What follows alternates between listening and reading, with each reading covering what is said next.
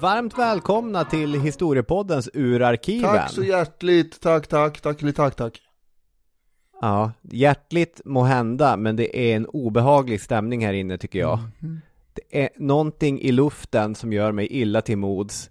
Knackningar i väggen, märkliga ljud under golvbrädorna. Vi ska till avsnitt 277, det hemsökta huset i Hydesville. Nu blir det rysligt. En klassisk spökhistoria. Ja, det här är ju obehagliga grejer. Och lite, vad ska man säga, det är ju målande bild av den här perioden också i historien. Eftersom det var ganska inne då. Med andlighet och det. Precis, vi kommer prata om spiritism, om spöken och om eh, Sir Arthur Conan Doyle misstänker jag. Ja, det blir ju alltså sekelskifte 1800-1900 här. Yes, mycket nöje. Citatet gör sig inte riktigt på svenska, men Shirley Jacksons klassiska öppningsstycke från hennes kultroman The Haunting of Hill House som publicerades 1959, det är antagligen mitt favoritsätt att inleda en spökhistoria. Vad som än vistades där vistades i ensamhet. Det här, det är en berättelse nästan lika klassisk som den om hjälten som dödar monstret. Eller det unga paret som ödet skiljer åt. Det hemsökta huset.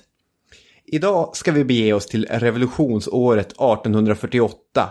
Men det är inte barrikader som ska byggas och slagord som ska eka. Istället ekar mystiska knackningar i ett hus nära Rochester i nordöstra USA. Och berättelsens följder kommer faktiskt få, får vi säga, revolutionära biverkningar ändå. Välkomna!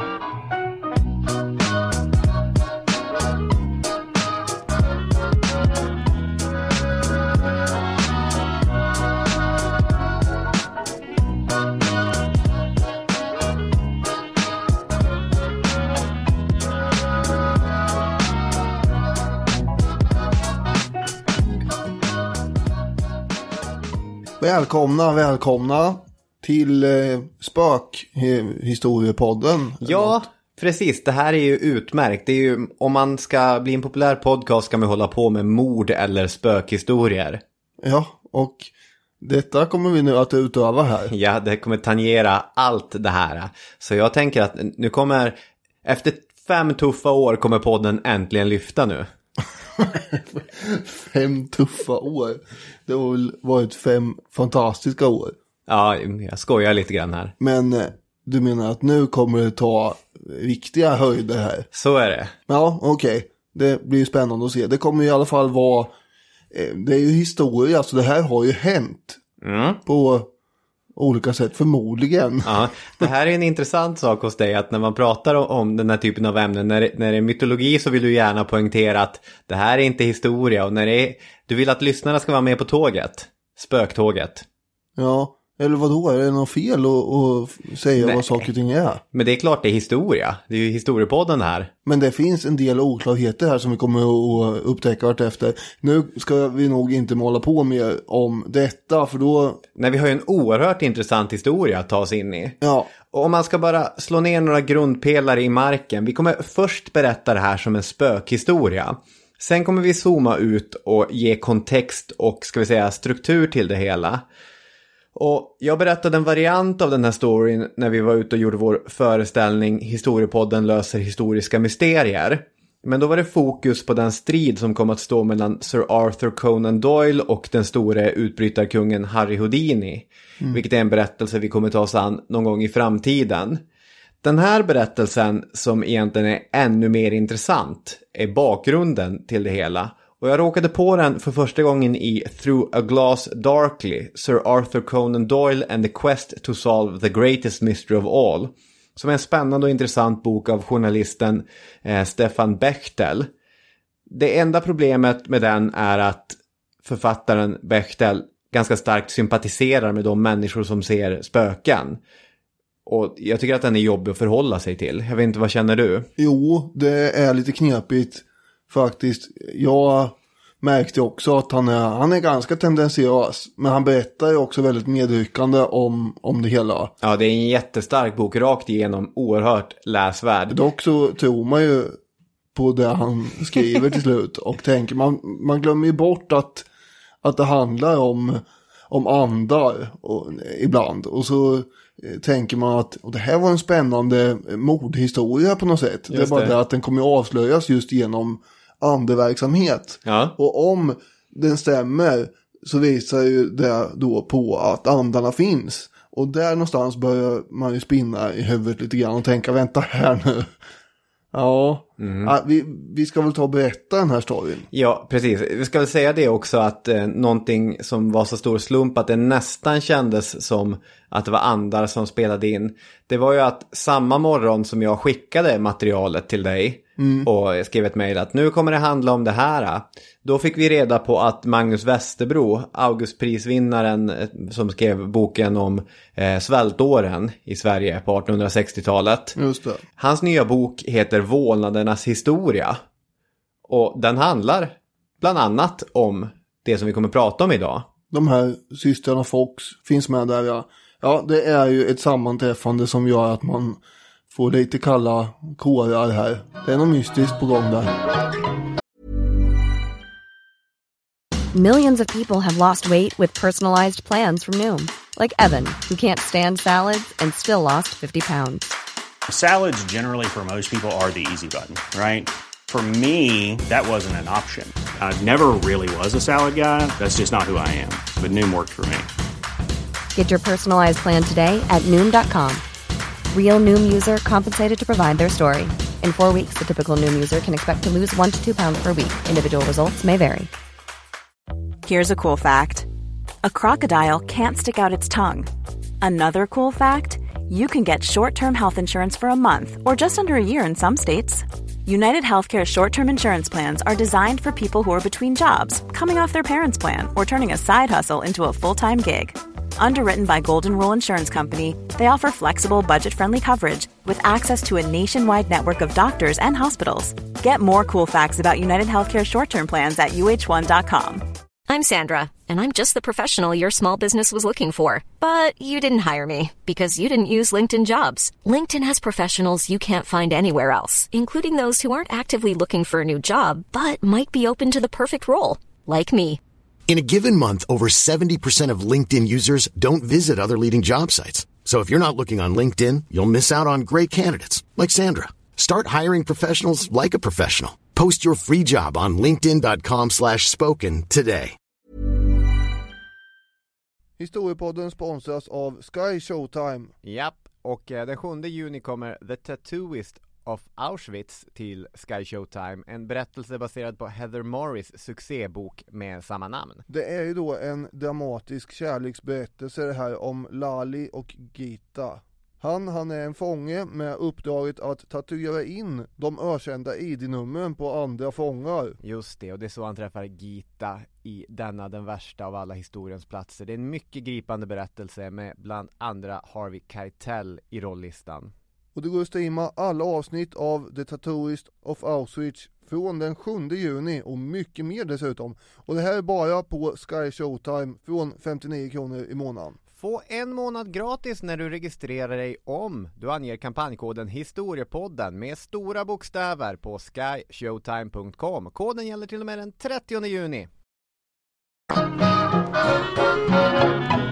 Nåväl, när man berättar en bra spökhistoria då ska den nästan äga rum på amerikanska östkusten.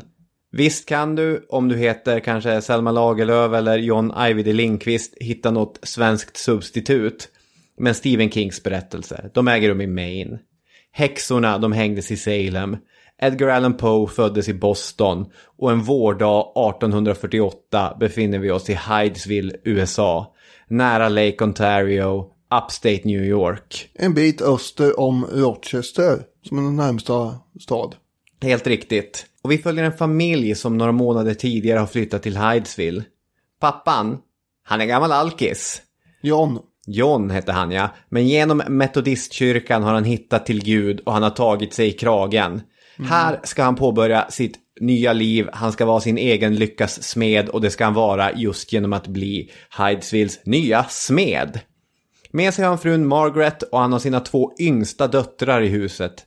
Maggie, som är 14 tror jag, och Kate som är 12. ja, De flyttar in här i den här stugan i Hydesville.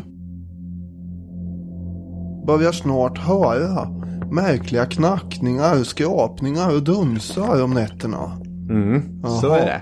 Det är möss i väggarna, förklarar pappa John. Ja, det kan man förstå. Men ibland låter det som att möbler håller på att flyttas omkring. Gammalt hus som faller samman kanske? Distinkta knackningar hörs ju också, det är underligt. Väldigt märkligt. Från olika rum. Ja. Ja, men det här är inte så konstigt ändå. Det kan ju vara kråkor och som du säger, det kan vara möss och föräldrarna får ju börja springa omkring och lägga ut råttfällor, spana efter fåglar på taket. Kanske är det skomakaren som eh, bor i närheten som sitter och, och bankar och slår. Ja, så kan det vara. Alltså en märklig sak är att det alltid tycks tillta på natten. Ja, och då jobbar inte skomakaren. Nej. han. Kändes lite förorättad där. Nej, jag sitter inte uppe till fem på morgonen och bankar skor. Nej. Så vad är det frågan om egentligen? Till slut så går ju hela familjen upp en natt och eh, går omkring i en klunga bakom pappa John som håller i ett stearinljus. Ja. Och undersöker varenda skrymsle och vrå. Jag ser framför mig hur han går omkring med en nattmössa. Ja, så kan det vara, absolut. Det här är ju då 31 mars och då kommer vi till berättelsens tidiga klimax. De hittar ju ingenting direkt, men plötsligt så knackar det på ytterdörren. Mm. Och John öppnar, Rycker upp dörren. ingenting där. Ingenting. Mycket märkligt. Mycket märkligt. Under den här kvällen så kommer pappan gå och kolla så att det är väl inte så att fönstren står och slår i vinden. Det hade ju varit förargligt om det visar sig vara en så enkel sak va? Verkligen. Och vad som händer nu är att han ruskar lite grann i fönstret. Och det knackar. Han ruskar och det knackar. Han ruskar och det knackar. Och så sitter lilla 12-åriga Kate här och tittar spänt på vad pappa gör. Och hon börjar förstå vad det är som sker.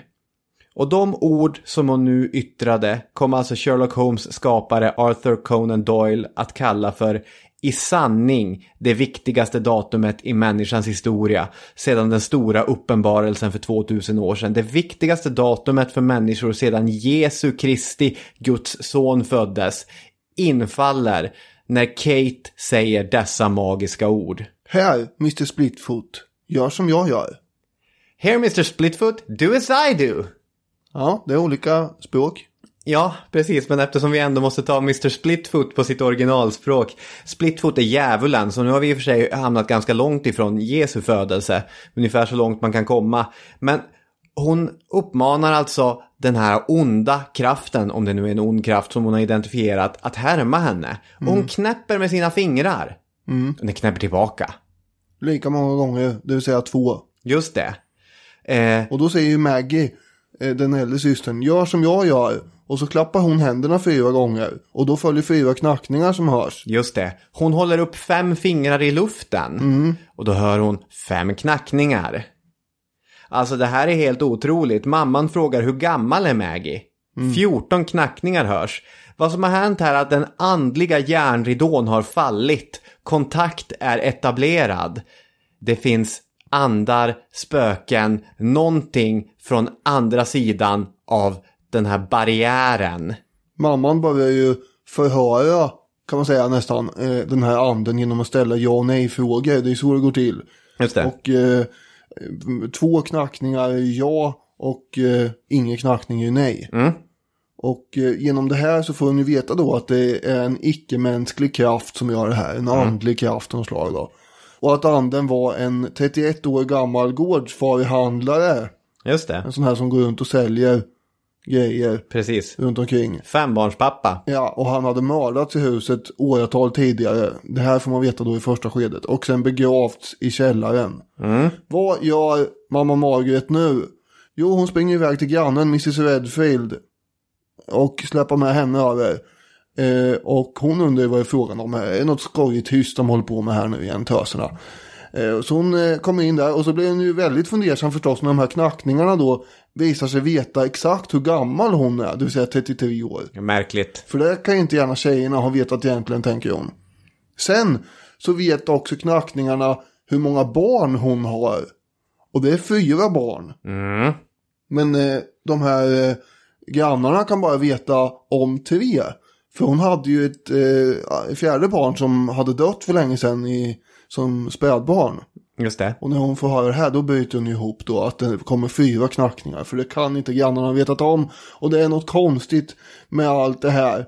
Så hon hämtar in sin man då, eh, Mr Redfield och flera andra grannar som nyfiket börjar trängas i stugan här för att lyssna på alla de här knackningarna. Och nästa dag så sprider sig nyheten i den här lilla byn och alla kommer dit och vill ställa frågor och får ett antal knackningar som svar på allting. Och den här uppståndelsen den eh, gör ju då att eh, Margaret lämnar huset med flickorna under några kvällar och sover hos grannarna då. Och ändå fortsätter ju de här knackningarna i stugan som då pappa John och de andra grannarna kunde höra. Det där är ju ett nyckelbevis för de som vill driva i bevis att det här verkligen är äkta spöken. Just det, att det inte det är inte flickorna som ligger bakom det här inte och håller på och driver. Utan det var knackningar även när de inte var där. Ja. Vi ska inte börja ifrågasätta allting för hårt för tidigt utan vi är en spökhistoria här. Det, det, är, Ja, men- ko, ko, nej, men vänta, ja, men så, det, det är konstiga knackningar och så. Sen får man ju ändå säga att den här berättelsen är ihopsnickrad av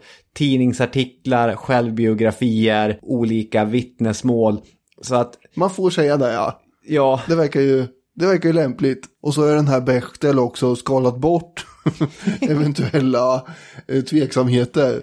Ja. Det, det kan man väl också konstatera. absolut. Men det som kan konstateras är att det blir en väldig uppståndelse i den här lilla staden kring de här mycket märkliga knackningarna. Ja, jag skulle ändå vilja fullfölja den här beskrivningen som händer när John och grannarna är där. För då börjar man ju undersöka vad det här kan vara för ursprung på det hela. Och då genomför man ytterligare frågor och så får man knackningar till svar. Och då kommer det fram att för fem år sedan så hade den här anden mördats i det där sovrummet genom att få halsen avskuren av någon som bodde där. Motivet skulle ha varit 500 dollar. Man identifierar också var i källaren som liket skulle varit begravt genom frågor och knackningar och sånt. De måste vara oerhört duktiga på 20 frågor de här. De gräver fram enorma detaljer. Ja, det tar ju en stund också det här. det ska ju tilläggas. Det är mycket frågande. Ja. Men, men ändå. Eh, nästa kväll så har en grupp av bymedlemmarna bestämt sig för att gräva på den här platsen också. Men hålet fylls igen med vatten hela tiden så det går inte riktigt. Nej. Men John Fox då, pappan, har ju senare sagt i ett edsvuret vittnesmål så här. Jag vet inte hur man ska förklara oljuden på naturlig väg. Vi har sökt igenom varje skrymsle och hörn innantill och utantill i huset. Vid olika tillfällen. För att utröna om möjligen något eller någon varit gömd som kunde åstadkomma oljuden. Och har aldrig kunnat hitta någonting som förklarar mysteriet. Det har orsakat oss mycket oro och stora bekymmer. Mm. En domare i trakten blir också väldigt intresserad av det här och eh, tycker och låter trycka en pamflett där han förklarar att en belöning på 50 dollar kommer utlysas. Just det, är det Lewis? Ja, precis. Ja, precis. Eh, Det det finns ganska mycket intressant att säga om hans undersökning. Ska vi, ska vi gå in på det? Det var ju en mängd olika människor som dök upp där i huset. Bland annat en Mr Hyde, tyvärr ingen Jekyll. Det hade ju varit eh, tilltalande när man pratar om, om 1800-tals eh, skräckberättelser. Eh, Arthur Conan Doyle han dagdrömde den här scenen där människor fylldes på i det här eh, ljuset och, och skrev att det skulle kunna vara föremål för en storslagen historiemålning. Det hade ju varit någonting va? Men ett spöke går runt Hydesville och under dagarna efter samlas hundratals människor kring huset och det är då den här E.E. Lewis som var advokat och domare sökte sig till orten och gjorde en riktig gärning i och med att han gick omkring bland byborna och skrev ner deras utsagor. Ja, det är ju högst relevant för oss i efterhand här. Och det är den här Lewis som är den första som spårar rätt på Lucretia Pulver. Som var en piga som hade bott tillsammans med husets tidigare hyresgäster. Och det är hon som vittnar om en gårdfarihandlare som besökte huset och sen gick upp i rök. Precis som den här anden hade sagt. Ja, verkligen. Enligt hennes vittnesmål hade hon sett herrn i huset skeppa ner jord i källaren. Och hon hade stött på frun i huset när hon skrattade maniskt i köket. Allt det här är märkligt såklart. Den här gårdfarihandlaren hade ju dykt upp där med massa fina varor. Det hade de... Förstås. Just det, och Det är det de har. precis. Och hon hade stämträff med honom att eh, du kan väl komma förbi mina föräldrars hus senare. Ja. Så ska vi titta på grejerna du har men han dök aldrig upp. Han hade ju tyger och skärp och trådar och saxar och fingerborgar och allt möjligt som var intressant. Precis. Men han dök ju inte upp nej. Alltså det är ju lätt hänt att börja lösa mysterier från fel håll. Eftersom vitt... Låt oss. Nej, men jag tänker om jag är Lucretia Pulver och ställs inför det här att jag vet att en ande har påstått de här sakerna. Då kan jag börja konstruera ett vittnesmål som stödjer den påhittade andens eh, berättelse. Men det kan ju lika gärna vara att det är ett äkta mord som har skett och att anden är påhittad utifrån ryktet om mordet. Den tredje förklaringen är att anden är äkta såklart också. Den, den kan vi Exakt. hålla där, absolut.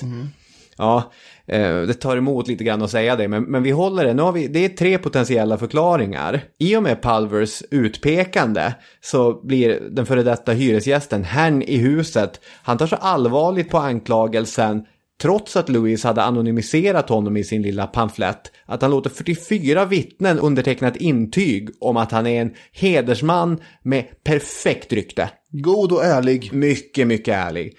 Det är flera andra intressanta saker som dyker upp i Lewis rapport också. Till exempel så hittar han en Jane Lape, som var en annan ung piga som tidigare tjänstgjort i huset. Och Jane Lape, hon berättar om en episod där hon stod i köket och gjorde sina sysslor. Hon kanske diskade, kanske saltade hon lite fläskkött, gnolade på någon trevlig gammal visa. När hon tittar upp och får ögonkontakt med en man som står i sovrummet bredvid. Det är ju här, nu börjar det bli lite eh, konstigt här tycker jag i så fall. Det här tror jag snart, det här tror jag inte på. Han säger jag- ingenting, Nej. han säger ingenting utan han står bara där i grå byxor, svart rock och svart hatt. Och Jane får panik och springer därifrån. Sen återvänder hon med frun i huset och då är han borta. Men alltså är det här samma eh, familj som, eh, som eh, Jag tror att det här är ännu en tidigare Ja, hyresgäst. precis. Och då är vi ju inte den här gårdfarihandlaren längre det handlar om. Nej. Utan då är det bara generellt en massa spöken som verkar fokusera sig på det där stället. Och, och då, då tappar de mig lite, det låter konstigt i och för sig att de mig först här. Men, men annars, det hade ju varit en mer logik i att den storyn inte hade funnits. Utan att eh, den här Lucretia Pulver bara hade berättat om den här gårdfarihandlaren som anden också har berättat om. Då går det ju att binda ihop det här. Men den här andra, jag har ju tänkt att det här tar jag inte ens upp i, i poddavsnittet här för att det blir så förvirrat. Det är ungefär som som eh, Hans Holmér betraktade Stig Engström, Skandiamannen. Det är bara rör till allting. Absolut, jag tänkte att man kunde ta upp det därför att det är ett, ett intressant exempel på hur när ett hus får ett rykte av att vara hemsökt eller vara bad news i största allmänhet, att den här typen av berättelser flockas kring den. För men där har vi väl alla varit med om att det fanns något läskigt hus i den lilla orten eller kvarteret eller så man växte upp. Och då ja, var det... det, det finns en på eh, den väg där jag växte upp i Ringholm. Eller nu är det inte en sånt längre. Men Och då är det ju diverse berättelser av alla olika slag, mer eller mindre trovärdiga, som man knyter till det. Nej, den här sista är ju, det är ju skrock och spökhistorier enligt gammal klassisk modell. Antingen inbillar hon sig eller så var det någon där inne, bara en, en eh, människa. Eller så ljuger hon. Men nu har det här blivit den typen av hus och den typen av ställe som man berättar spökhistorier om. okej, då kanske det bär någon slags relevans här att vi tar med det.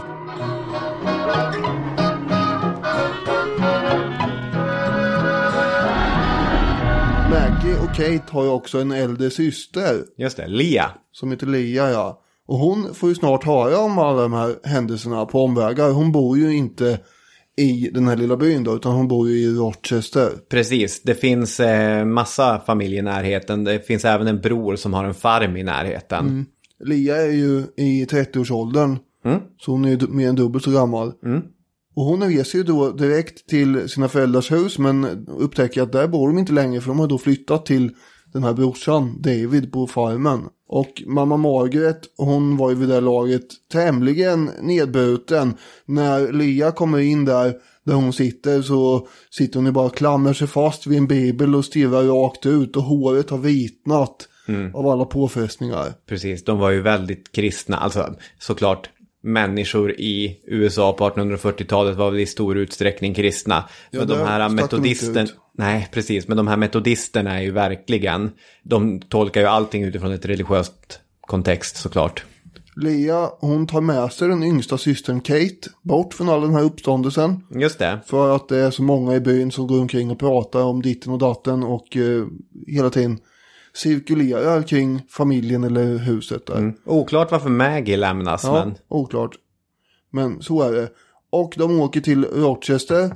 De här knackningarna och de skrapande oljuden återkommer också i Rochester. Och nu är det något annat. nu är det märkligt. Det är inte som i fallet med Hill House, huset Usher eller The Overlook Hotel ett hemsökt hus. Det är flickan själv som talar med andar.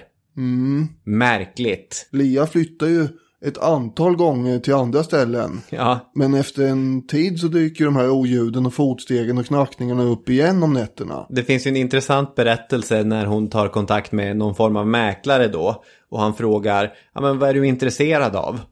Och då är hennes enda krav, jag behöver ett hus där inga onda gärningar har, har utförts. Ja, och det hjälper ju inte, verkar som. Eller också har det hänt onda gärningar i de här husen. För att det är Precis. ju möbler börjar ju flytta på sig och röra sig. Alltså fysiskt så man kan se det. Sängarna de ligger i lyfts upp och brakar ner i marken med ett dån. Pianot börjar spela av sig själv. Det är en massa saker som börjar hända här nu. Min favoritberättelse är det som händer den eh, natten då andarna öppnar upp den här eh, kallkällaren där de förvarar kålrötter och, och äpplen och så inför vintern. Och så vaknar de upp av att det bara kommer rotsaker flygande mot dem. Är det din favorit? Ja, men kan du ens föreställa dig det? Hur är det att vakna till ljudet av kålrötter som smäller in i dina familjemedlemmar? Hur låter det? Hur ser det ut? Jag vet inte just hur kolet låter. Faktiskt. Vi får gå ut och slänga lite morötter på ditt golv här i köket sen för att testa. Mm, precis. De håller ju det här hemligt. Att eh, knackningarna har följt med dem även till Rochester. De enda som får reda på någonting, de är grannarna. Och det är ett trevligt par kväkare vid namn Isaac och Amy Post.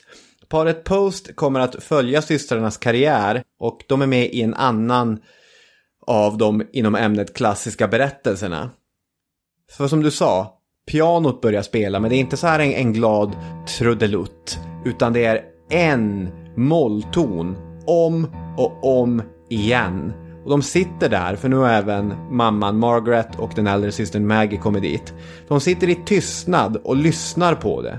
Och ingen behöver säga någonting för alla vet vad det handlar om. Det här är klockan som klämtar för ett liv. Så när en släkting på kvällen kommer ridande för att berätta att det yngsta barnet till syskonskarans bror är döende, då är ingen förvånad. Dagen efter dör barnet och i samma ögonblick slutar pianot spela. Och det är paret Post som inte längre kan hålla tyst. De råkar berätta för någon som de känner, sen är anden ut ur flaskan och spöket går genom Rochester som det tidigare gick genom Hydesville. Tillsammans med de här eh, kväkarkompisarna. Kväkare är ju då en, eh, en eh, religiös inriktning, en kristen inriktning. Och Ja. eh, de är pacifister väldigt mycket. Just det, fredsvänner och mot slaveri och sådana grejer. Allt det här. Och eh, tillsammans med de här nya kompisarna då, grannarna, så utarbetar man ju ett alfabet. Mm. Eh, för att kunna kommunicera med andarna mer smidigt då, fast det är inte så smidigt. Men med, på annat sätt än knackningar. Eller, eller alltså att man ska få, kunna få meddelanden från andarna. Just det. Det här gjorde jag mig lustig över på scenen. Hur lång tid det behövde ta att få fram ett meddelande. Ja, det måste ju ha tagit ganska lång tid också. Det är många bokstäver som ska eh, genom i ett meddelande. Det kan ju krävas 18 knackningar för att komma fram till en bokstav då. Så är det. Och det lustiga i sammanhanget då är att andarna är allt annat än effektiva i sin kommunikation. Som att det första meddelandet som knackas fram är Vänner, ni måste berätta om dessa sanningar för hela världen. Detta är början på ny era. Ni får inte dölja det längre. När ni gör er plikt så kommer Gud att se efter er och goda andar kommer att skydda er. Det är ju pratigt. Ja, det var ju det meddelandet de fick nu i alla fall. Och det här antyder ju då att nu har de en plikt, eller antyder, det uppmanar, det säger att nu har vi en plikt här att utföra. Nu kan man inte hålla det här hemligt längre. Nej, precis. Här går det ju från att vara en spökhistoria till att vara ett kall. Ja, och eh, det är ju ganska många meddelanden som man tar emot också från avlidna släktingar. Det verkar vara en massa olika andar i rörelse just här. Och många i Rochester har ju talat om det här och vill komma dit också och prata med de här andarna. Det är så många att Lia och hennes vänner måste ju, de måste börja sålla bland de här besökarna. För det är ganska, vad ska man säga, triviala och banala frågor och sådär som besökarna kommer med. Verkligen. De vill veta vilka nummer man ska satsa på på lotteriet och vilka aktier som man borde köra på och sådär. Det är rimliga frågor i och för sig. Ja, men man skulle ju också kunna tänka sig att man ställer frågor om lite mer eh, existentiella slag. Det är bara sånt som spökena, andarna, är beredda att svara på också. De vägrar ju ge ifrån sig några vinnande nummer. Ja, De säger inte håll koll på IBM om hundra år.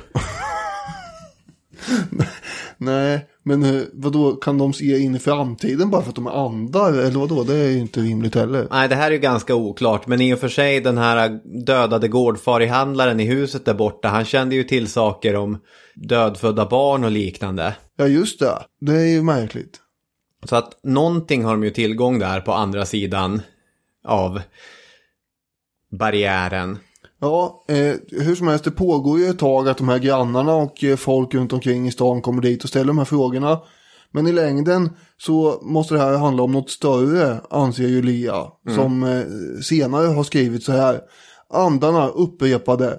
Du har blivit vald att berätta för världen för att övertyga skeptikerna om den större sanningen om odödlighet. Ja. Så hon kan ju inte låta bli längre att gå ut med det här mer offentligt. Nej. Det går inte bara att sitta hemma och bjuda in en och annan granne som ställer frågor. Nej. De här andarna de utövar ju ivriga påtryckningar för att hon tydligen ska anordna någon slags, vad ska, vad ska man säga, föreställning nästan. Eller evenemang i den största byggnaden som finns i det. Rochester. Det vill säga Corinthian Hall. Mm.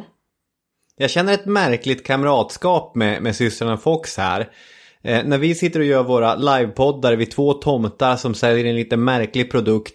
Alltså en livepodd, ett samtal. Eh, inför en förväntansfull publik. Ungefär så är det ju när systrarna, eller alltså lite skillnad mellan oss och systrarna Ja, Fox såklart. Men de sitter där i några stolar framför en stor betalande publik. Och, ja, nu ska vi lyssna på lite knackningar här. Ja, så är vi ju, men ändå. Det är svårt att säga vad som är mest spektakulärt här. Hur som helst, man utser ju en rad olika kommittéer som ska vara oberoende och undersöka, så att säga, eh, sanningshalten i det som de här flickorna meddelar. Det har inte vi råkat ut för än på våra liveföreställningar, ska vi skjuta in. Nej, det har inte, det har inte upprättats olika kommittéer i alla de här städerna vi har varit på som, vill, eh, som vill gå igenom om det vi säger stämmer eller inte. Eller inspektera oss när vi klär på oss så att vi inte gömmer några verktyg som... Vi har ju heller inga knackningar som Nej. den här föreställningen bygger på heller. Så att det Men det här släktskapet som jag känner mer om är kanske lite långsökt. lite. Ja. Hur som helst, återigen. Man eh, har ju de här kommittéerna då som ska undersöka det här. Bland annat att man eh, låter tre gamla tanter undersöka de här flickorna innan de går upp på scenen och sådär. In på bara kroppen. Och eh, sen är det så att varje kommitté, kommitté efter kommitté tvingas ju erkänna att de inte kan förklara ljuden. Eh, den tredje kommittén är ju helt inställd på att allt bara är bluff här i Rochester. Ja. Och eh, en av medlemmarna säger till och med att han ska kasta sig ut för ett vattenfall om han inte lyckas hitta orsaken till de här ljuden. Precis. Nerför Genesee Falls. En annan medlem i samma kommitté tar ju i ännu mer från tårna så att han spricker. Han säger att om han inte kan avslöja de här systrarna, då kommer han ge bort en bäverhatt. Och ni som har lyssnat på vårt gamla avsnitt om Henry Hudson vet att bäverhatt, det var det finaste man kunde ha på 1800-talet. Men ingen av dem gör ju det de har sagt. Nej. Eh, trots att alla hör ljuden eh, så kan de ju inte förklara den natur- en naturlig orsak till det hela så att säga. Det första framträdandet som de gör i Corinthian Hall eh, präglas ju också av ganska god stämning bland de här 400 besökarna. Det är ju uppsluppet bara. ja, det här blir ju spännande att se. Alla förväntar sig liksom att den här kommittén också ska avslöja bedrägeriet. Just det. Men eh, allt eftersom de här samlingarna eh, och kommittéerna i Corinthian Hall eh, pågår och de inte kan komma fram till någon orsak så stiger ju också ilskan för varje föreställning. Ja. Och eh, aggressiviteten får man ju säga hos folk bland åskådarna. Till slut mer eller mindre stormar man ju scenen under arga burop och eh, hugg och slag jagar man nästan de här tjejerna av scenen. Det kastas smällare och, och sådär och polis måste gå in och skydda eh, flickorna. Folk skriker att de är häxor. Det är irriterande att man inte... Tänk om man skulle göra så här varje gång man går på Jola Biero. Att man jagar av honom från scenen Ja, och anklagar honom för att vara häxa. ja. Ja, hur skulle det se ut egentligen? Hur skulle det se ut?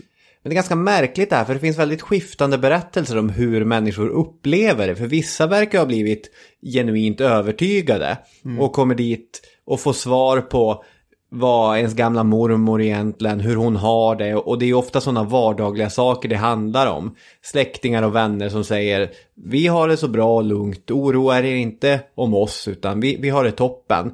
Men Västerbro lyfter ju också att det finns vittnesuppgifter från människor som blir ganska besvikna. Inte bara för att det inte avslöjas utan också därför att systrarnas svar på frågorna är så vaga. Mm. Alltså vad det handlar om här är ju en form av det som kallas cold reading. Jag tänkte fälla in ett klipp här. And is there a D, like a Daniel, David? Like there's a big D. So for me, it's initials. It's usually um, months of the year, like December being important. Jag vet inte vilket program det kommer ifrån men det, det användes i ett reportage om olika medium i John Olivers Last Week Tonight. Ni känner igen den här typen av metoder från kanske, jag vet inte, Ricky Lake på 90-talet eller program som Det Okänd eller liknande. Att man försöker plocka upp em, människors berättelser genom att ganska generellt lyfta frågor. Och så Menar sen... du att det är där de gör i det okända? Har du sett den serien? Ja, jag har väl sett avsnitt, men i det okända går de väl mer omkring i hus och faller ihop och säger att här har det hänt grejer. Lia, hon blir ju också ett medium här nu och eh, alla de här systrarna Fox förvandlas ju till professionella medium mer eller mindre för att nu börjar ju komma in pengar i det här också. Ska vi säga vad man upptäcker 1904 är ett årtal som har kastats fram. Ja, precis, för det här är ju en mycket intressant aspekt av hela berättelsen. Kom ihåg hur allting började här. Med den här gårdfarihandlarens ande som pockade på fönstret och knackade i väggarna för att han ville berätta att här ligger jag begraven. Man hittade ju inte någonting på 1840-talet som du sa. Det var för lerigt för att gräva och sen när det hade torkat så hade man väl glömt bort det eller någonting. Men enligt uppgift ska barn som lekte i det sedermera övergivna huset under vintern 1904, alltså efter att samtliga karaktärer i denna berättelse har dött bort, upptäckt en vägg som hade kollapsat. Och där, bakom den kollapsade väggen, så satt ett skelett med en liten låda av tenn och vackra pryttlar att sälja. Känner ni nackhåren resa sig? Ja, Jag satt ju och vrålade i soffan. Det är inte sant! Det kan inte stämma. Det är ju fantastiskt. Varför har inte det här slagits upp mer? Och sen samlade jag mig lite och tänkte det kanske inte är sant heller. Magnus Westerbro skriver om ett sådant fynd verkligen gjordes är inte klarlagt. Men om det ägde rum kan man förstås tänka sig olika förklaringar till det hela. Kanske hade systrarna hört rykten om att huset var hemsökt. Eller att en man hade mördats där och helt enkelt gissat sig till att liket skulle ha begravts i källaren. Eller så kunde systrarna Fox faktiskt kommunicera med de döda. ja, och sen har vi min tredje variant där. Eller fjärde eller vad det blir. Ja. Det vill säga att någon har eh, planterat eh, ett skelett i början på 1900-talet för att få historien att framstå som mer sann. Det här är ju en väldigt intressant spökkonspiration. Det är inte helt omöjligt.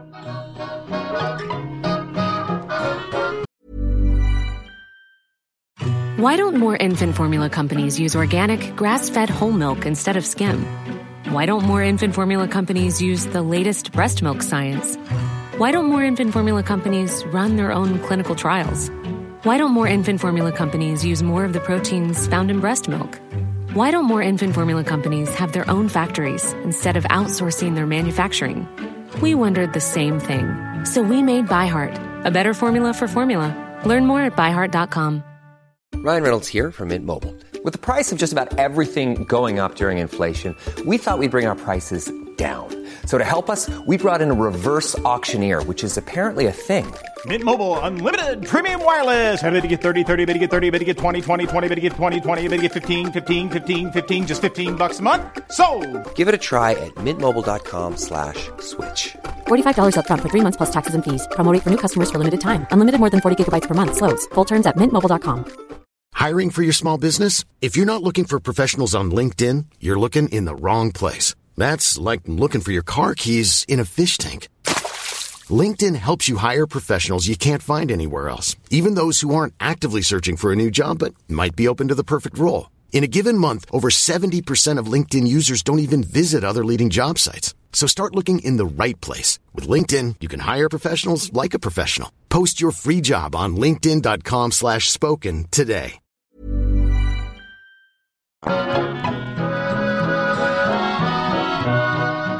Systrarna Fox börjar turnera runt med sin föreställning och de blev på många sätt de första moderna mediumen. Vi känner igen dem från både amerikansk och svensk television för man får väl ändå säga att det är mer och mer underhållning som det kommer att börja handla om det här.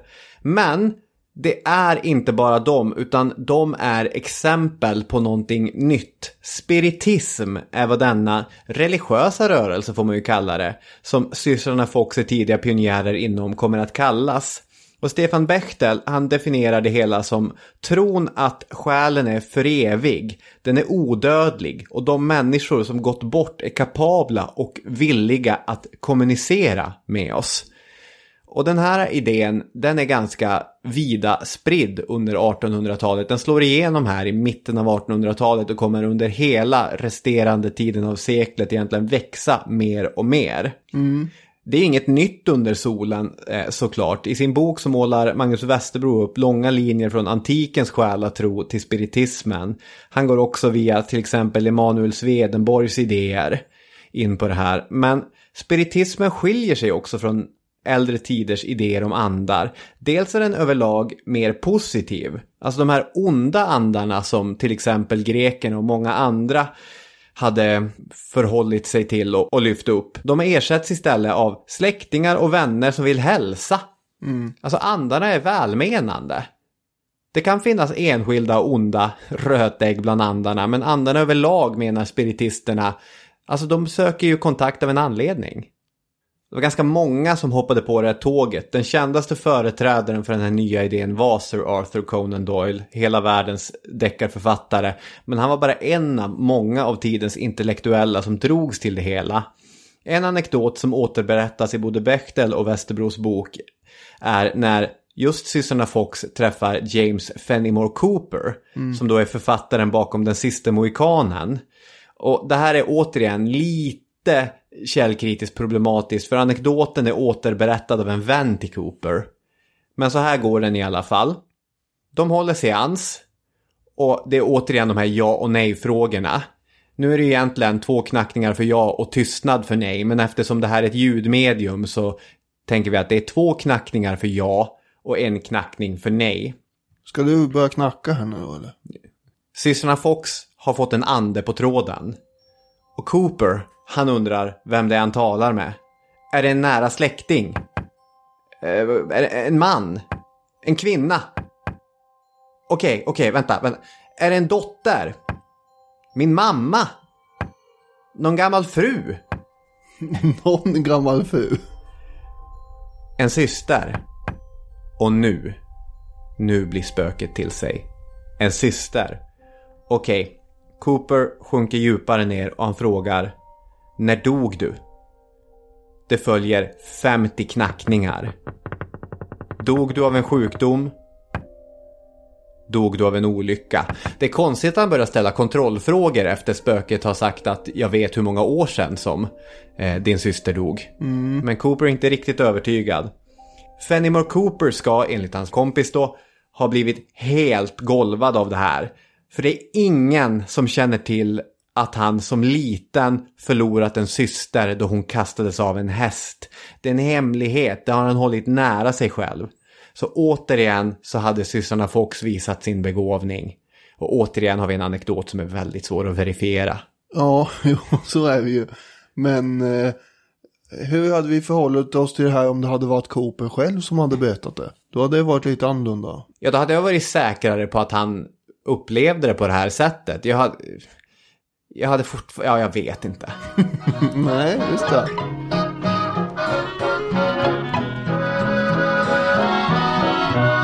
Tidens omständigheter ska man säga lite grann om. Det känns som en rimlig sysselsättning för två historielärare. Ja, eh, nämligen det faktum att USA har religionsfrihet och att ganska många som har emigrerat till USA från Europa faktiskt har kommit dit av just den anledningen. Just det, för i de europeiska länderna de flydde från fanns det inte så mycket religionsfrihet. Nej, inte än. Och eh, när man väl är där borta i USA så stöts och blöts alltså en mängd olika trosuppfattningar eh, och allsköns olika variationer av de här trosuppfattningarna mot varann. Och de inspireras av varann och de blandas med varann. Eh, Västerbro han skriver ju att USA var ett slags religiös experimentverkstad. Ja, så var det ju också såklart. Och sen har vi det faktum att religionen under mitten på 1800-talet genomgår någon slags eh, kris egentligen. Vi har ju upplysningen under 1700-talet. Med all sin vetenskap och rationalism och förnuft och sådär. Som har börjat urholka religionens värde och den har ju vunnit eh, allt fler anhängare under 1700-talet. Den här vetenskapstanken. Och samhället håller på att sekulariseras. Ja, så är det ju att förr så satt det en präst vid dödsbädden och, smekte eh, den döende på pannan. Den personen håller i allt större utsträckning på att bli en doktor, en läkare. Ja, och eh, det kommer ju böcker här under 1800-talet som behandlar Jesus som en historisk vanlig människa. Och som menar att kristendomen är ett mänskligt påhitt.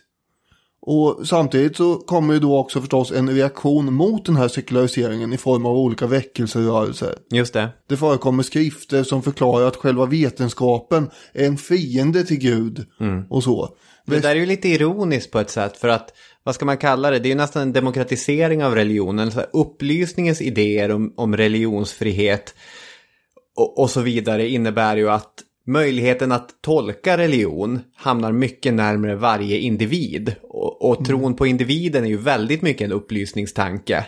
Ja. Ja, det blir ju en individualisering av allting här med. Precis. Västerbro, han skriver så här. Det handlar alltså om en ideologisk kamp där de dödas andar blev till en symbol för själva den andliga verkligheten i sig. Steg för steg hade skeptikerna och tvivlarna blivit både fler och synligare. Steg för steg hade den besjälade världsuppfattningen angripits, stuckits hål på, omväxlande förolämpats och förödmjukats. Steg för steg hade tron på Gud, på andar, på osynliga och meningsskapande krafter ifrågasatts, avslöjats som ihåliga, angripits som skadliga. Det ligger nära till hands att tala om ett radikalt ombyte av roller. Plötsligt var det inte de skeptiska utan de intensivt troende som tyckte att den förhärskande offentliga världsbilden inte stämde överens med hur de upplevde verkligheten. Ja, det är väldigt intressant. Ja, och, och sen mitt i allt det här så har vi ju Karl Marx att tänka på också. Som menar att eh, hela religionsfenomenet är ett opium för folket. Och som bedövar människor för att de ska uthärda orättvisor och elände i det här livet i hopp om att få bättre i nästa liv. Så det finns ju massor med sådana här filosofer och, och tankar som kritiserar allt det som kyrkan och religionen står för. Även kyrkans egna företrädare börjar tumma på de här gamla dogmerna och texterna. Vår egen skald för tusan och eh, även i sammanhanget är det intressant biskopen Esaias Tegnér som under 1830-talet menar att skapelseberättelsen är bland de mest otroliga berättelser som finns. Ja, det han ju inte fel i. Nej men det hade man inte hört en biskop säga 200 år tidigare. Nej, verkligen inte. För många så blir det ju så att, att tro på spiritismen eh, det blir eh, en kraftfull motreaktion mot den här kalla och själlösa vetenskapen. Mm, men samtidigt ska man ha med sig att för människor som Arthur Conan Doyle så var spiritismen den första religionen som byggde på vetenskapens regler. Alltså han var ju en läkare, han hade eh, skrivit avhandlingar om, om olika former av förgiftning. Som jag, om jag kommer ihåg det rätt så förgiftade han sig själv när han skrev den där. Men han var utbildad i alla fall. Och han såg spiritismen som en religion som till skillnad från de andra religionerna kunde uppvisa fysiska bevis. Men är inte det en utveckling som kommer lite senare, framåt Jo. sekelskiftet? Förvisso, det, det är helt riktigt. Men man ska ändå ha med sig det här att liksom Okej, spiritismens genombrott när den börjar sprida sig som den här andliga skogsbranden, då är det väl i mångt och mycket den organiserade religionens kris som man faller tillbaka på. Men den kunde också tilltala rationellt lagda människor. Eh, Dessutom, befolkningsökningarna under 1800-talet har ju varit massiv. Många fler överlever barndomen och blir alltså vuxna och kan i sin tur skaffa många egna barn.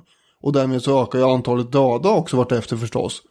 Och kyrkogårdarna som tidigare har legat inne i städerna, de är inte tillräckligt stora och därför flyttar man ut kyrkogårdarna ur stadskärnan eller man börjar begrava människor utanför eh, stan helt enkelt. Och det skapas enorma begravningsplatser i de här eh, stora europeiska städerna i utkanterna istället. Man börjar betrakta de döda som orena också, alltså ohygieniska. Eh, och, och därför så borde man inte gräva ner dem där vi bor. Bland bostäder och sådär. Och här har vi ju min gamla favorit Edward Gibbon som dyker upp på, på ett hörn. Jag tänkte det när jag läste i Västerbros bok och han började referera Gibbon. Jag tänkte det här är härligt för Daniel. Det här var ju fint att se att han, att han var med i den här debatten också under 1700-talet där då. Eh, I ett litet oväntat sammanhang. Ja. Han var ju en ivrig förespråkare för den här utvecklingen att man skulle placera de döda utanför städerna. Och hänvisade just till romarriket som han skrev om. Eh, han, han har ju en lång eh, bokserie om romarrikets nedgång och fall. Som du har läst. Ja, det har jag faktiskt. Man kanske inte måste skjuta in eh, allting man har läst varje gång. Så många fjädrar i hatten behöver jag inte för varje. Men det är ju fint att du har gjort det här till en grej på något sätt. Ja. ja. Och den här hänvisningen till romarriket, det är ju för att de hade ju betraktat de kristna som eh, hade släpat in så att säga de döda och begravt dem mitt i centrum som någon form av eh, dödskult. Och det, så betraktar ju Gibbon i princip också kristendomen. Att Det är värst vad man betraktar döden som viktig här. Och nästan är besatt kring den ju. Just det.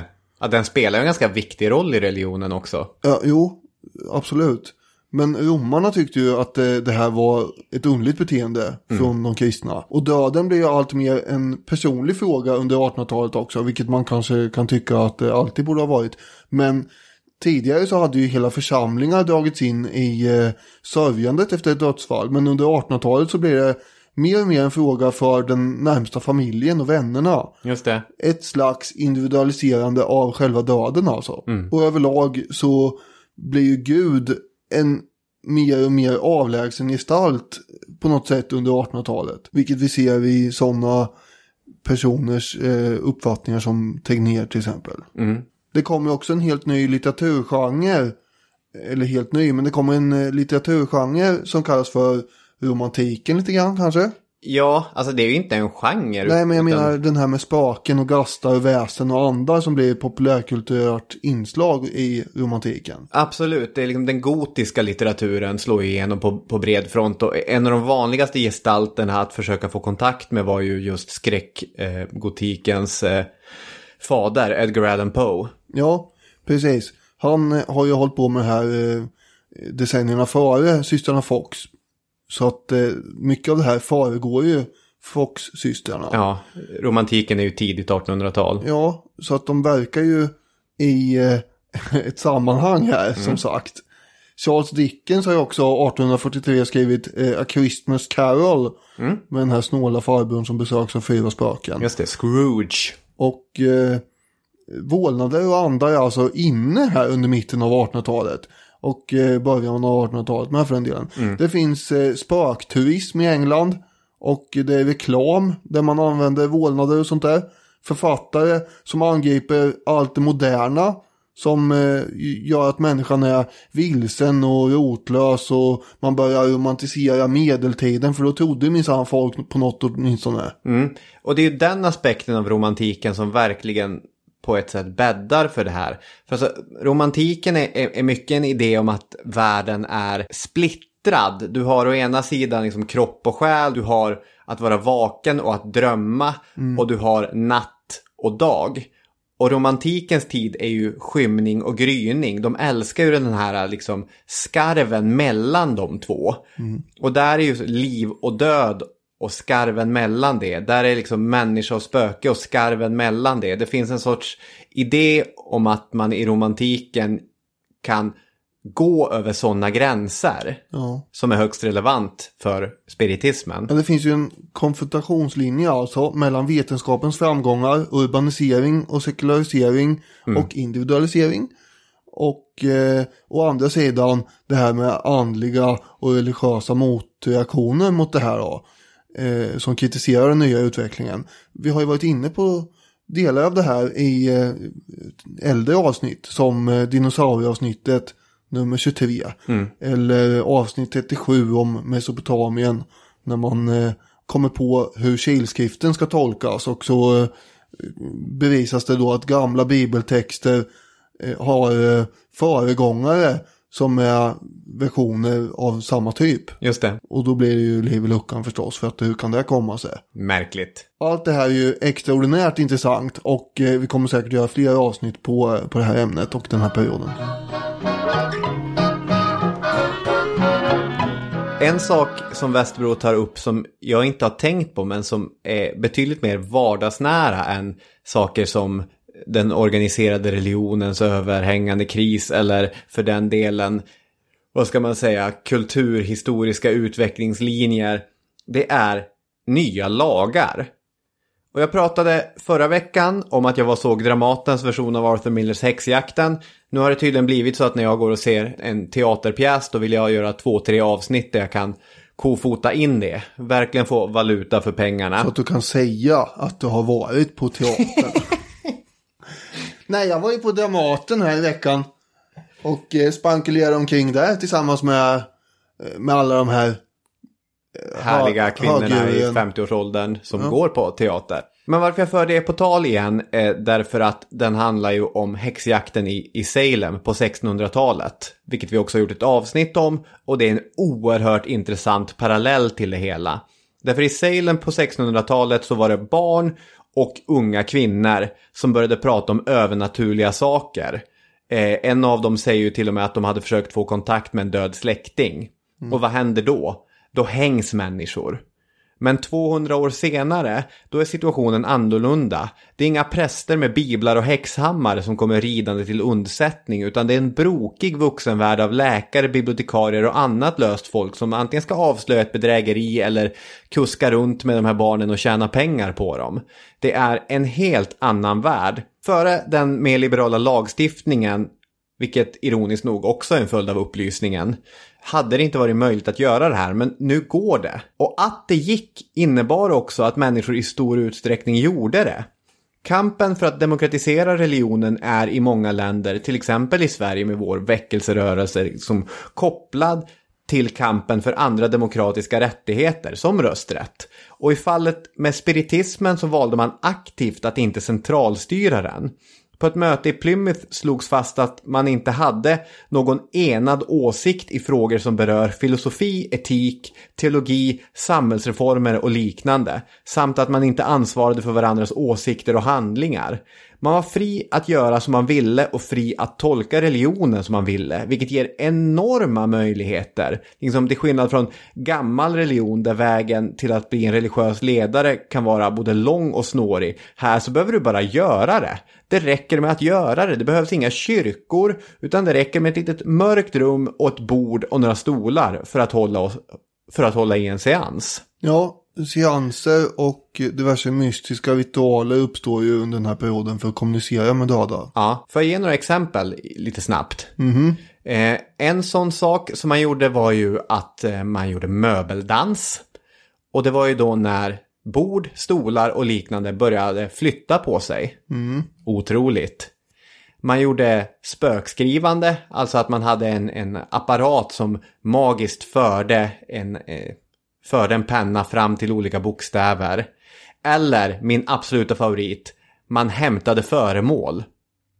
Mediumet gick in i andevärlden och kom tillbaka med kanske ett ägg från Afrika. Eller en fjäder från Indonesien. Och på olika engelska museum så har de lådor med sådana found objects. Det är inte illa. Nej, det är inte, det betyder ju inte så mycket i och för sig. Men de har dem. Man betraktar ju också de eh, döda på ett annat sätt. Det är ju så att det finns ju fler människor nu för tiden. Men eh, de dör också, för det gör människor. Så är det. Ganska många i ung ålder med. Och det här bidrar ju till en eh, fixering vid döden ännu mer. Och i de här ohälsosamma städerna så är det inte minst barn också som dör i stor utsträckning. ju. Just det. Och man börjar romantisera över hur döden borde gå till. Det ska helst vara en lång och utdragen död. Det är idealiskt det. Och då blir tuberkulos särskilt populär inom citattecken. Ja. Eftersom eh, den är ju hemskt utdragen och jobbig. Man får ligga och hosta någonstans eh, tills man lämnar in. M- Men det är en sjukdom som går att romantisera. Dessutom har vi uppfinningar som fotografiet som gör att man kan klamra sig fast vid en döde Just det. ännu längre. Man kan ta foton av en döde och kopiera upp som Västerbro tar upp. Men man kan också, om man har tur, ha en bild av en människa innan den dog. och så kan man ha det här i olika smycken och titta på och så. Man sparar ju också hårlockar som man bär runt för att bevara minnet av den döde. Just det. Och eh, det här tillsammans med allt det här andra vi har berättat gör att systrarna Fox kommer i en misstänkt rätt tid lite grann. Ändå. Vad är det som är misstänkt med den? Jag menar alltså att det, att det kanske är så att det här ligger så mycket i tiden att det är därför det uppstår. Inte för att det är några andra som har pratat med dem. Nej, just det. Det har Så ju- att det är trots allt rationella förklaringar. Kanske. det har ju förekommit eh, föregångare till dem också förstås. Men det är ju med systrarna Fox som intresset verkligen exploderar. Under de här seanserna så kunde man ju då prata med alla möjliga historiska personer också. Eller för den delen bibliska personer. Att Edgar Allan Poe dök upp bland annat ironiskt nog.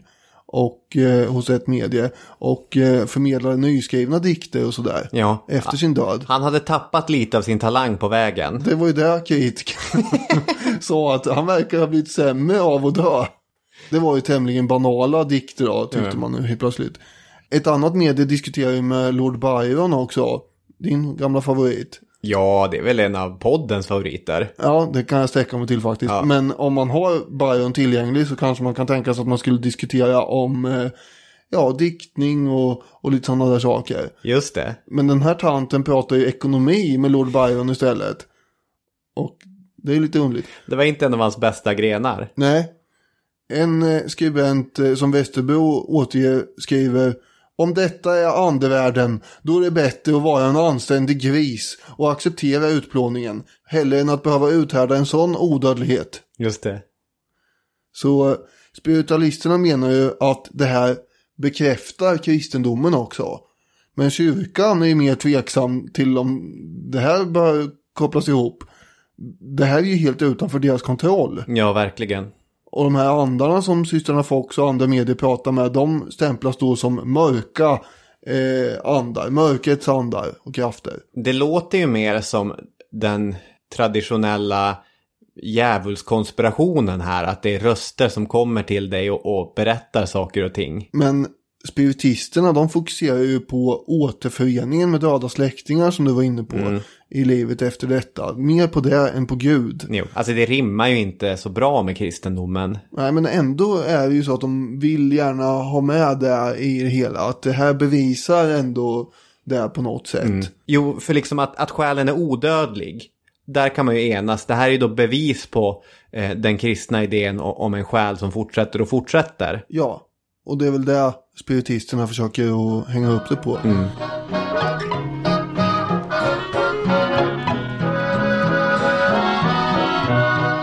Vi bör väl också nämna Daniel Douglas Home. Mm. Som är en av de mest kända medierna förutom systrarna Fox.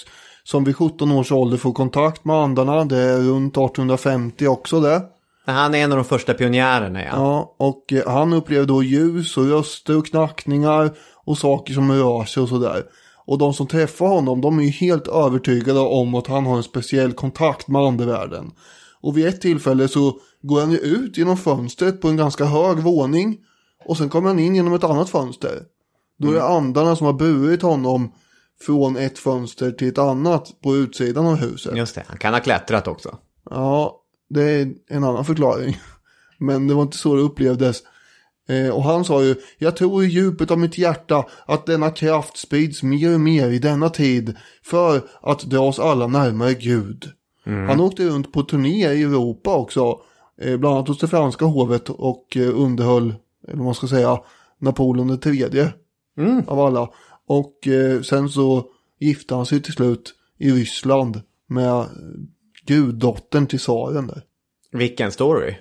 Ja, och katolska kyrkan de stämplar honom förstås eh, som eh, det han har häxkonster för sig. Och det här hade ju fått honom att brinna på bål några hundra år tidigare. Men nu eh, så ökar sådana angrepp bara hans popularitet ju. Han är också en av de få som inte tar betalt för sina seanser. I och för sig så får han en massa prylar av alla sina anhängare ändå och allt han behöver.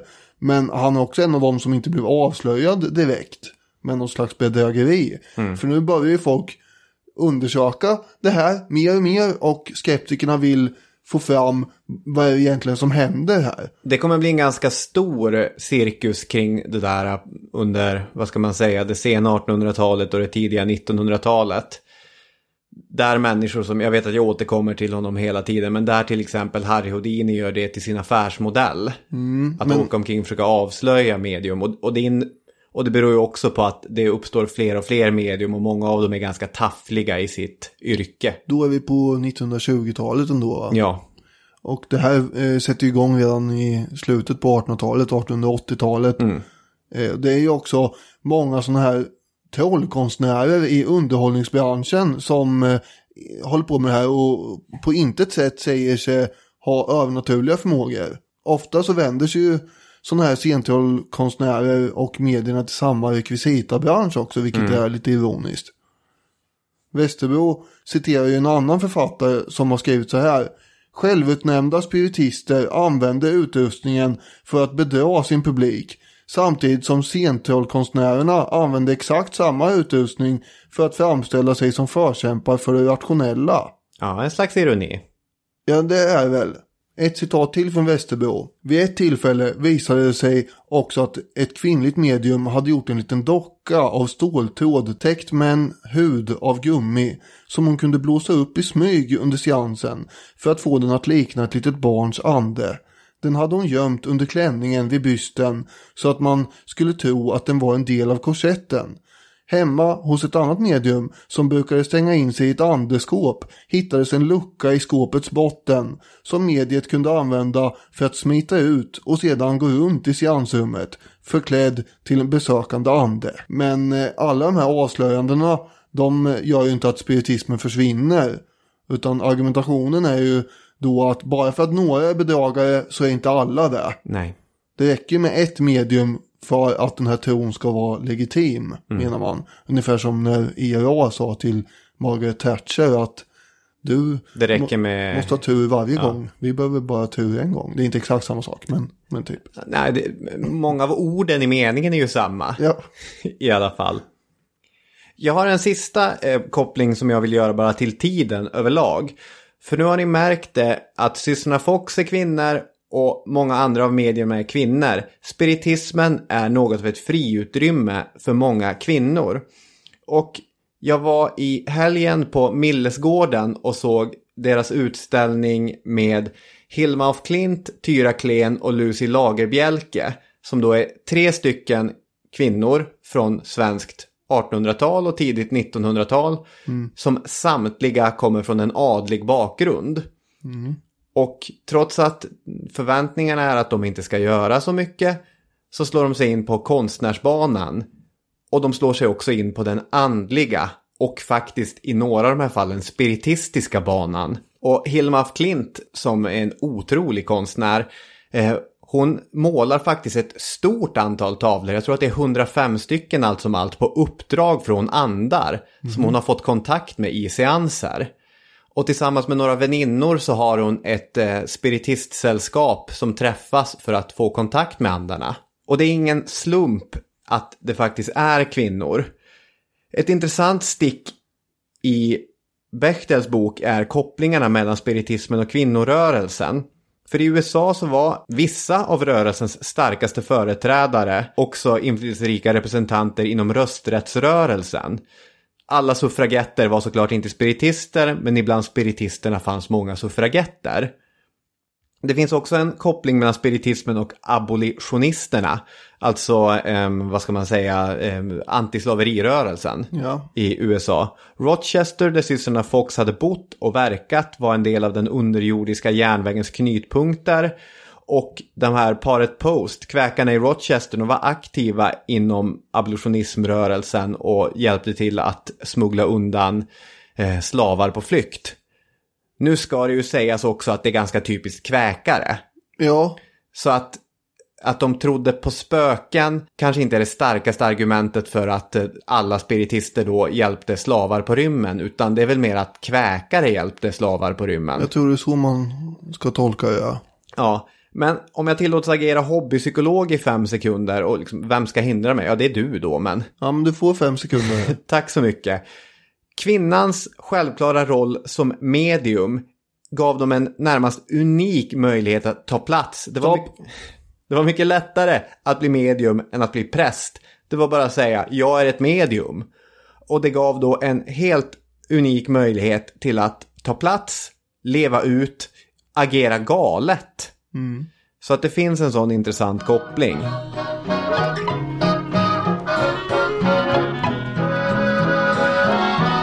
I Sverige så dök ju också spiritismen upp som du var inne på här.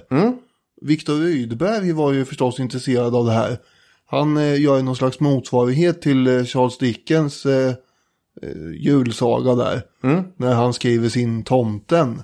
Som bland annat handlar om lite övernaturliga saker ju. Han, han ser ju det här som en motrörelse till den här självbelåtna vetenskapen. Och det är ju lite grann romantiken i Rydberg som pratar också. Alltså vi har ju i Emanuel Swedenborg också en av giganterna inom andlighet. Ja. Rydberg anger ju också att eh, ett hundratal så kallade psykografer som sådana här bräden med text kallades, en viss typ av bräden i alla fall, eh, hade sålts i Göteborg under 1858. Men Rydberg blev mer tveksam efterhand eh, och han, han sa att det här är intressant eftersom det visar vad människor önskar vara sanningen. Även om det kanske inte var sanningen. Nej. Sen har vi ju flera andra kända svenska personligheter som också fastnar i det här nätet. Som Carl Larsson som eh, sades ha haft kontakt med andra under olika seanser. Och vår eh, anekdotkung som då och då dyker upp i anekdotform. Karl den femtonde. Senast vi pratade om honom så var ju det här svärdet Tyfing som han hade. Just det, när vi pratade om Valkyrierna. När du sa Karl så tänkte jag att du skulle säga Jonas Love Almqvist. Ja, okej. Det hade inte varit helt otippat. Nej, men, men nu det- var det den femtonde. Ja, eh, Just det, Puddingkungen för han var så snygg. ja, precis. Han, han trodde ju mycket på spiritismen. Eh, Det kan ha hängt ihop med att hans son också hade dött vid två års ålder, tänker sig Västerbro. Och eh, att han försökte få kontakt med, med sonen då. Sen har vi förstås Strindberg. Som eh, är väldigt känd för det här. Och eh, han intresserar sig för både spiritism och ockultism och allt möjligt. Alkemi. Ja, när han var 23 år så skrev han att eftersom han inte kunde tro på Gud så skulle han tro på spöken. Och så skrev han att detta ska distrahera mig eller göra mig galen. Och man får säga att det blev det senare Ja, i slutändan. det är hårt att säga att det är tron på spöken som... Det kan ha varit annat som bidrog till det ja. Ja, jag, jag tror att... Eh, Absolut, jag vill bara få in att han tappat. Västerbro säger ju också att det är inte särskilt vanligt att man som Strindberg ställer Gud mot spiritismen här. Att det är antingen eller. Nej, de flesta förenade ju tron på det. Ja, alltså systrarna Fox satt igång en rörelse som griper tag i hela västvärlden och växer enormt. Men för dem själva gick det ju rätt galet ändå. Ja, Kate och Maggie Fox fick leva hårda liv.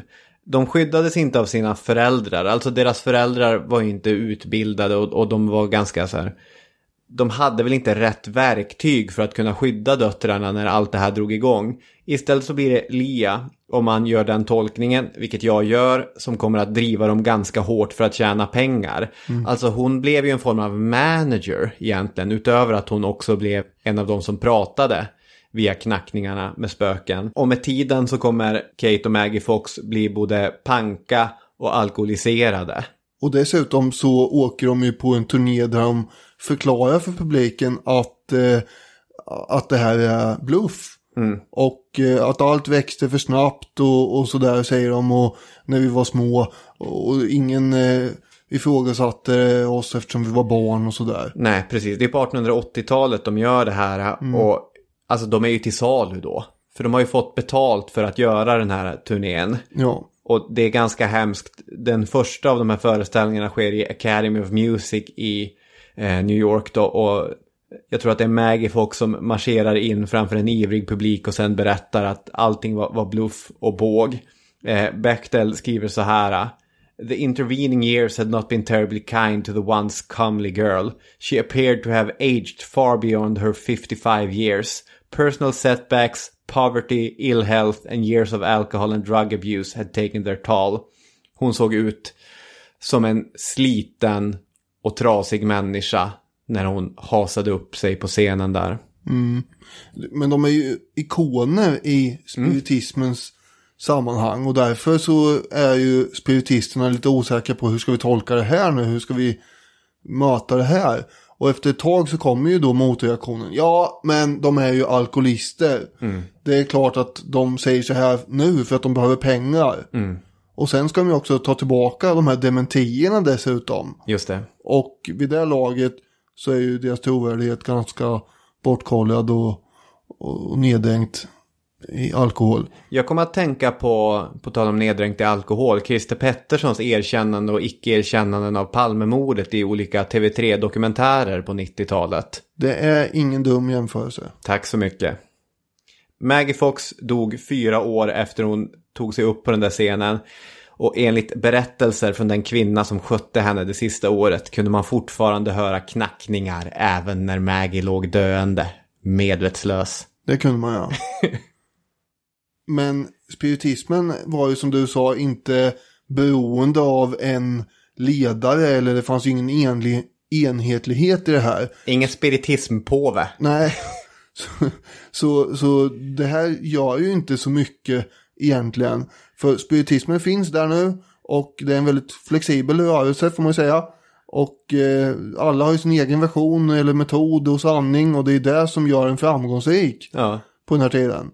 Runt sekelskiftet och decennierna som följer. Det gör att intresset håller i sig. Och det kommer bli en långvarig debatt här som pågår angående om det är vetenskapligt möjligt att bevisa den mänskliga själens existens. Går det att bevisa den? För i så fall så betyder det att det kanske finns andar. Och det är det som, som eh, Conan Doyle är intresserad av bland annat. Ja. Mm. Jag hade tänkt avsluta med att hon låg där och knackade i, eh, i, i, dödsrycken. Men nu tog du vid efter så nu kan, tänker jag att du kan få knyta ihop säcken här. Jag gjorde ju det här genom att säga att eh, det är inte en helt ihopknuten säck utan det fortsätter ju under början på 1900-talet. Och eh, därmed sagt så återkommer vi väl till frågan en vacker dag. Det Så- törs vi faktiskt utlova. Får vi se om det blir mer knackningar då. Ja, Men för den här gången så räcker det nog. Precis. Det är Spök-Robin och Spök-Daniel som tackar för den här gången. Nu stänger vi Spökhistoriepodden. Tack så mycket för att ni har lyssnat. Tack så mycket. Hej! Hej hej.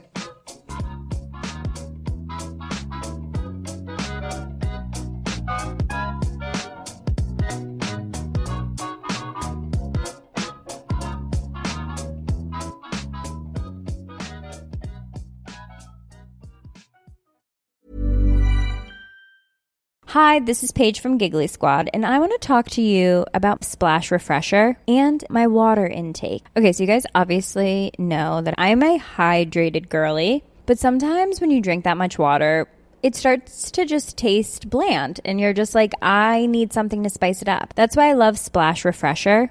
It has zero sugar, zero calories, and it's a splash of sweetness. And they come in five different flavors. They're so good. Wild berry, acai grape, pineapple mango, lemon, and mandarin orange. My favorite is the wild berry because I just I just love a berry. So if you're like me and you're drinking water all day, then try Splash Refresher. It's going to absolutely change your water game and it's good for you. ACAST powers the world's best podcasts. Here's a show that we recommend. The Real Housewives is a guilty pleasure for most, but if you're looking to not feel guilty about that pleasure, tune in to Everything Iconic with me, Danny Pellegrino, where I break down all the messy moments and behind the scenes antics of Bravo's popular franchise. And on Everything Iconic, I also interview celebrity guests like Kelly Ripa, Kiki Palmer, Drew Barrymore, Cameron Diaz, and more about their guilty pleasures, their past work, and so much more. So if you're pop culture obsessed and find yourself watching way too much reality TV like me, tune in to Everything Iconic with Danny Pellegrino wherever you listen to podcasts. ACAST helps creators launch, grow, and monetize their podcasts everywhere. ACAST.com.